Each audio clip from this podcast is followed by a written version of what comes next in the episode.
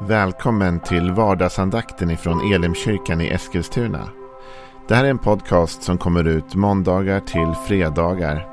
Om du vill veta mer om vilka vi är, vad vi tror på, hur du kan komma i kontakt med oss eller vad vi kan erbjuda dig för någonting så gå in på www.elimkyrkan.com. Får jättegärna gå in och likea vår Facebook-sida. Det är facebook.com elimeskilstuna.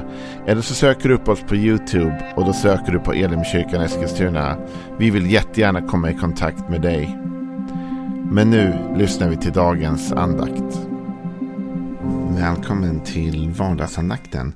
Är inne i en vecka då vi tittar lite närmare på psalm 94. En saltarsalm som jag tror väcker många relevanta frågor, inte minst i vår tid. Och vi läser de första sju verserna idag. Det är en längre psalm än så. Vi får ta den tid det tar att komma igenom. Men vi läser hela och sen ska vi titta lite närmare på vers 2. Det står så här i psalm 94. Hämndens Gud, Herre, hämndens Gud, visa dig. Res dig, du jordens domare, ge dem stolta vad de förtjänar. Hur länge ska de gudlösa, Herre? Hur länge ska de gudlösa triumfera? Deras tal flödar av fräckhet, alla förbrytare förhäver sig. Herre, de krossar ditt folk, de förtrycker din arvedel. De dödar änkor och främlingar och mördar de faderlösa. Och de säger, Herren ser det inte, Jakobs Gud märker det inte. Idag är det främst vers nummer två jag vill titta på. Res dig, du jordens domare. Ge dem stolta vad de förtjänar. Precis som i den första versen så finns det här både en proklamation och en, en längtan, en uppmaning. I den första versen så talades det om att Gud var hämndens Gud. Och han sa visa dig. Med andra ord kom nu och ge hämnd åt detta. Idag så är uppmaningen res dig och ge dem vad de förtjänar. Du jordens domare. Med andra ord Gud är en domare över hela jorden. Och nu uppmaningen att han ska träda fram och döma. Du vet, när vi ser på jorden idag så tror jag vi längtar efter en domare, en rättvis domare. Vi längtar efter någon som kan gå in och sätta stopp för ondskan och våldet och hatet och kriget och allt det där önskar vi att någon skulle komma in och bara göra slut på det. Döma vad som är rätt och vad som är fel. Just nu håller man på att utreda om vissa länder i världen ska dömas för krigsbrott och så vidare. Världen söker efter rättvisa. Man tycker att någonting orättvist har hänt och man söker efter en rättvisa. Ibland tror jag att vi glömmer att när vi talar om Gud som en domare, då blir folk ofta nervösa. Man tänker nej, Gud ska döma mig. Men det är inte bara det, utan tänk så här. Vi längtar ju efter rättvisa. Vi längtar ju i världen efter att någon skulle sätta ner foten och säga stopp. Alltså om det inte fanns en domare någonstans ytterst sett. Så hade det känts väldigt jobbigt. Därför någonstans vill vi att ondskan ska få sitt straff. Men om du har tagit emot Jesus behöver du inte vara rädd för Gud som någon sorts domare. Utan det blir ingen fällande dom för den som är i Kristus Jesus, står det i Romarbrevet. Så vi vet att om vi har gett vårt liv till Jesus då är vi trygga och i kärlek kan vi stå frimodiga på domens dag och känna att jag vet att Jesus har tagit all min synd och all min skuld och all min skam. Däremot så finns det ett dömande över världens ondska som någon gång måste ändå utmätas. Och det säger ju psalmisten här. Res dig nu, du jordens domare. Jag vet inte vad det var som fick psalmisten här, att, att, liksom att David att kliva fram vid den här tidpunkten. Det kanske var något som hände runt omkring honom i världen just då. Precis som det hände saker runt oss idag. Kanske fanns något i hans omgivning som sa det måste kunna finnas en domare som kan döma detta. Det måste kunna finnas någon som kan kliva in och göra skillnad och stå upp emot mörkret och stå upp emot det svåra. Ibland kan man fundera på om det finns en domare, om Gud är världens, jordens domare, som psalmisten säger. Hur kommer det sig då att han inte dömer snabbare? Hur kommer det sig att han inte dömer just nu? Varför reser han sig inte upp? Det är det som är uppmaningen här. Res dig, du jordens domare. Ibland kan vi fundera på varför tar Gud sån tid med sin dom? Men vet du, Bibeln är ganska klar med att det finns en anledning till att Gud dröjer. I andra Petrusbrevet 2 så finns det ett ganska långt resonemang om hur Gud har dömt ondskan genom tiderna som har varit. Men hur han hela tiden har räddat den rättfärdige. Han räddade Noa, han räddade Lot och, och så vidare. Och då står det så här i andra Petrusbrevet 2, vers 9. Herren förstår alltså att frälsa eller rädda då, de gudfruktiga ur frestelsen och hålla de orättfärdiga i förvar under straff fram till domens dag. Så här talas det om en domens dag och det talas om att hållas i förvar fram till domens dag. Ibland skulle du och jag vilja se domens dag nu. Det är det psalmisten säger. Res dig nu. Döm detta nu, Gud. Grip in nu. Men här talas det om att Gud håller vissa saker i förvar fram till en dag då han ska döma. Det finns en tidpunkt då Gud har bestämt att han ska döma världen. Det är därför vi egentligen med visst allvar ibland talar om att det är så viktigt att man tar emot Jesus i sitt liv så att man känner att man har den friheten. Han har betalt mitt straff, han har betalt min ondska, han har betalt för allt detta. Jag är fri, jag är förlåten.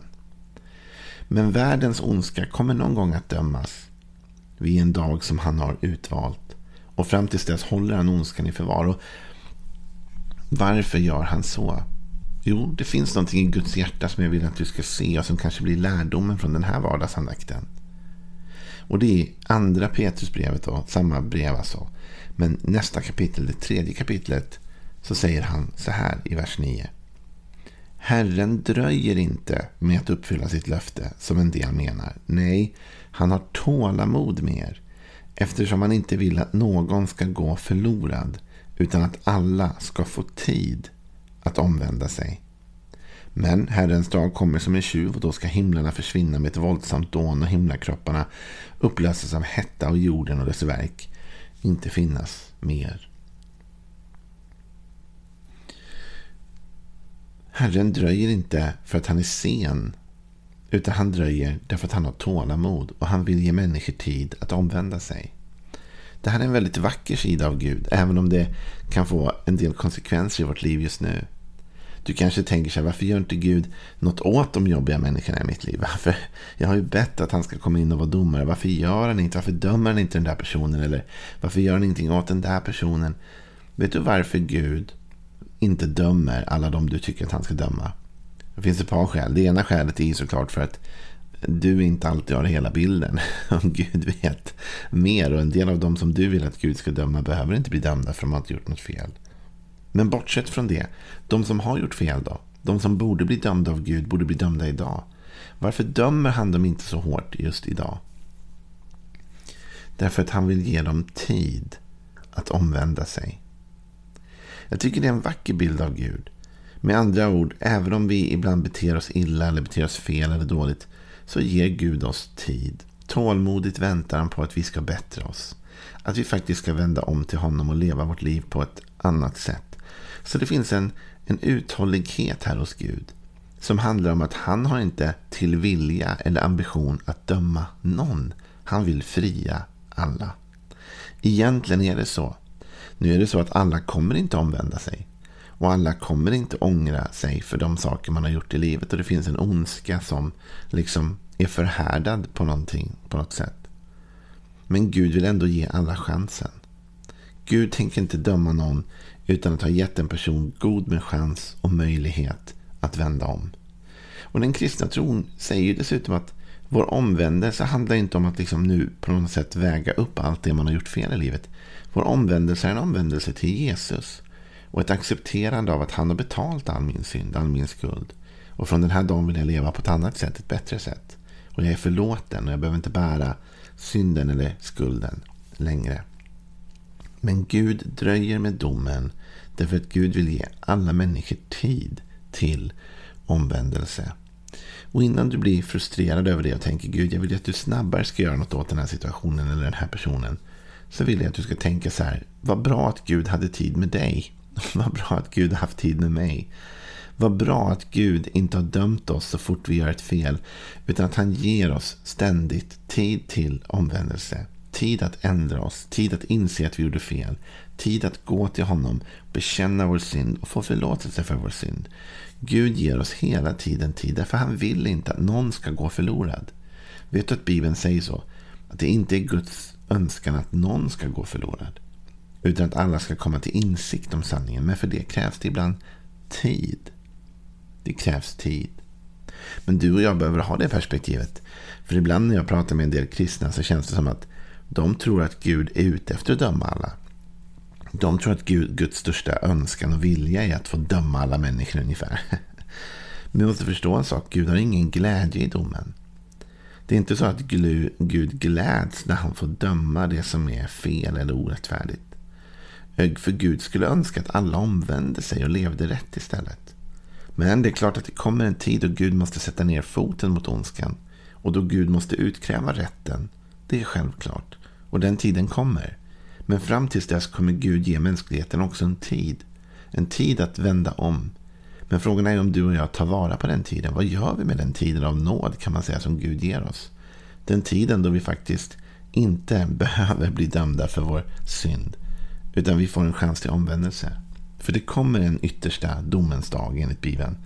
Och då kommer Gud döma ut ondskan. Alltså det finns det som händer i Ryssland och Ukraina och på andra ställen. Det kommer att utkrävas en dom för detta. Någon kommer behöva i slutändan få stå för det. Och det är klart, Gud vill helst att alla skulle omvända sig och inse sin ondska, be om förlåtelse och upphöra med sin ondska. Men alla kommer inte att göra det. Utan en del människor är fast i ondskan. Och då blir de kvar där. Och då kommer de till slut att drabbas av Guds dom. Så Gud är jordens domare. Men Gud är inte en domare som är snabb att döma. Utan Gud är en domare som ger tid till omvändelse. En domare som ger tid för oss att se det på ett nytt sätt. Jag vet inte om du har varit med om det någon gång. Men vissa sanningar, vissa saker tar tid att acceptera. Tar tid att det ska landa. Och Gud vet det. Så Gud är inte stressad. Han är tålmodig stod det. Han har tålamod med er. Därför att ni ska ha tid att omvända er. Men jag kan förstå psalmistens bönelängtan. Jag kan se på jorden idag och jag kan känna att jag vill stämma in i den här bönen. Res dig, du jordens domare och ge de stolta vad de förtjänar. Det är ju vår längtan och vår önskan på ett sätt. Men Guds längtan och Guds önskan är att vi ska omvända oss. Och alltså att han inte behöver döma oss på den yttersta domens dag. Utan att han istället kan välkomnas in i sitt paradis. In i det goda som han har tänkt för alla människor. Ha en riktigt välsignad dag så hörs vi imorgon igen. Hej då.